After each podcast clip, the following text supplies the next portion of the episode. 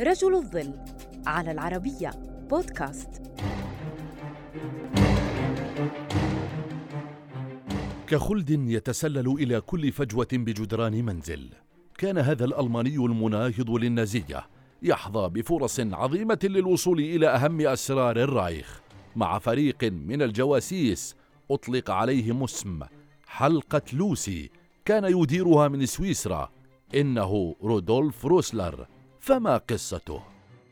ولد رودولف روسلر عام 1897 في بافاريا الألمانية حيث كان والده مسؤول الغابات بالولاية والتحق بالجيش وهو في السابعة عشرة من عمره خلال الحرب العالمية الأولى حيث خدم كجندي لأربع سنوات قبل أن يلتحق بجامعة أوكسبورغ ويدرس علم اللاهوت بدأ رودولف حياته المهنية صحفيا بصحيفة أوكسبورغ بوست زايتن ولكنه لم يستمر طويلا حيث ظهرت أفكاره المناوئة للنازية مع بروز أدولف هتلر بالسياسة الألمانية فلجأ إلى سويسرا في عام 1933 ورغم أنه لم يملك سوى عشرة ماركات فقط أي ما يعادل خمسين دولاراً تمكن من إنشاء دار للنشر لإصدار منشورات عن مخاطر النازية وما يصله من معلومات ضدها.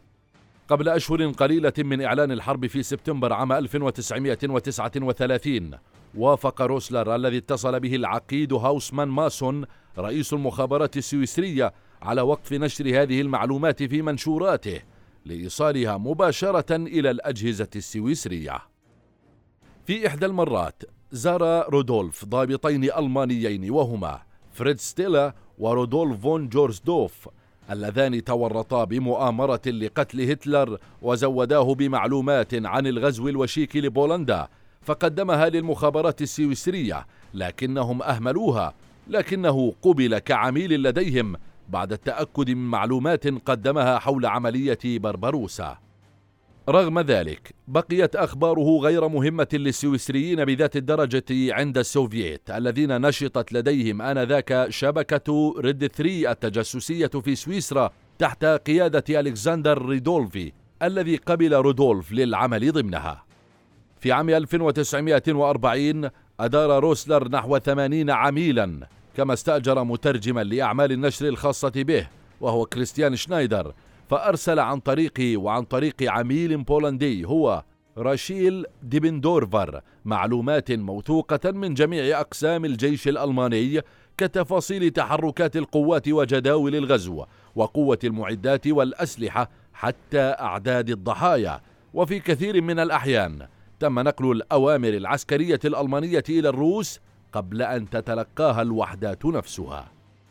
عرفت حلقة التجسس التي أدارها رودولف باسم حلقة لوسي وقدرت المعلومات التي قدمتها على مدار خمس سنوات إلى روسيا بأنها قد تملأ نحو أربعين كتابا متوسطا قبل أن تقبض عليه الشرطة السويسرية في التاسع من مايو عام 1944 حيث سجن أربعة شهور. بعد الحرب عمل رودولف روسلر صحفيا مستقلا لكنه وبسبب الصعوبات المالية. قام بالتجسس لصالح الحكومة التشيكوسلوفاكية ونقل لهم معلومات عن أسلحة الولايات المتحدة وإنجلترا وفرنسا في ألمانيا الغربية. فقبض عليه مرة أخرى في مارس عام 1953 وسجن لتسعة أشهر. عاد بعدها إلى لوسيرن وبقي فيها حتى وفاته في الحادي عشر من ديسمبر عام 1958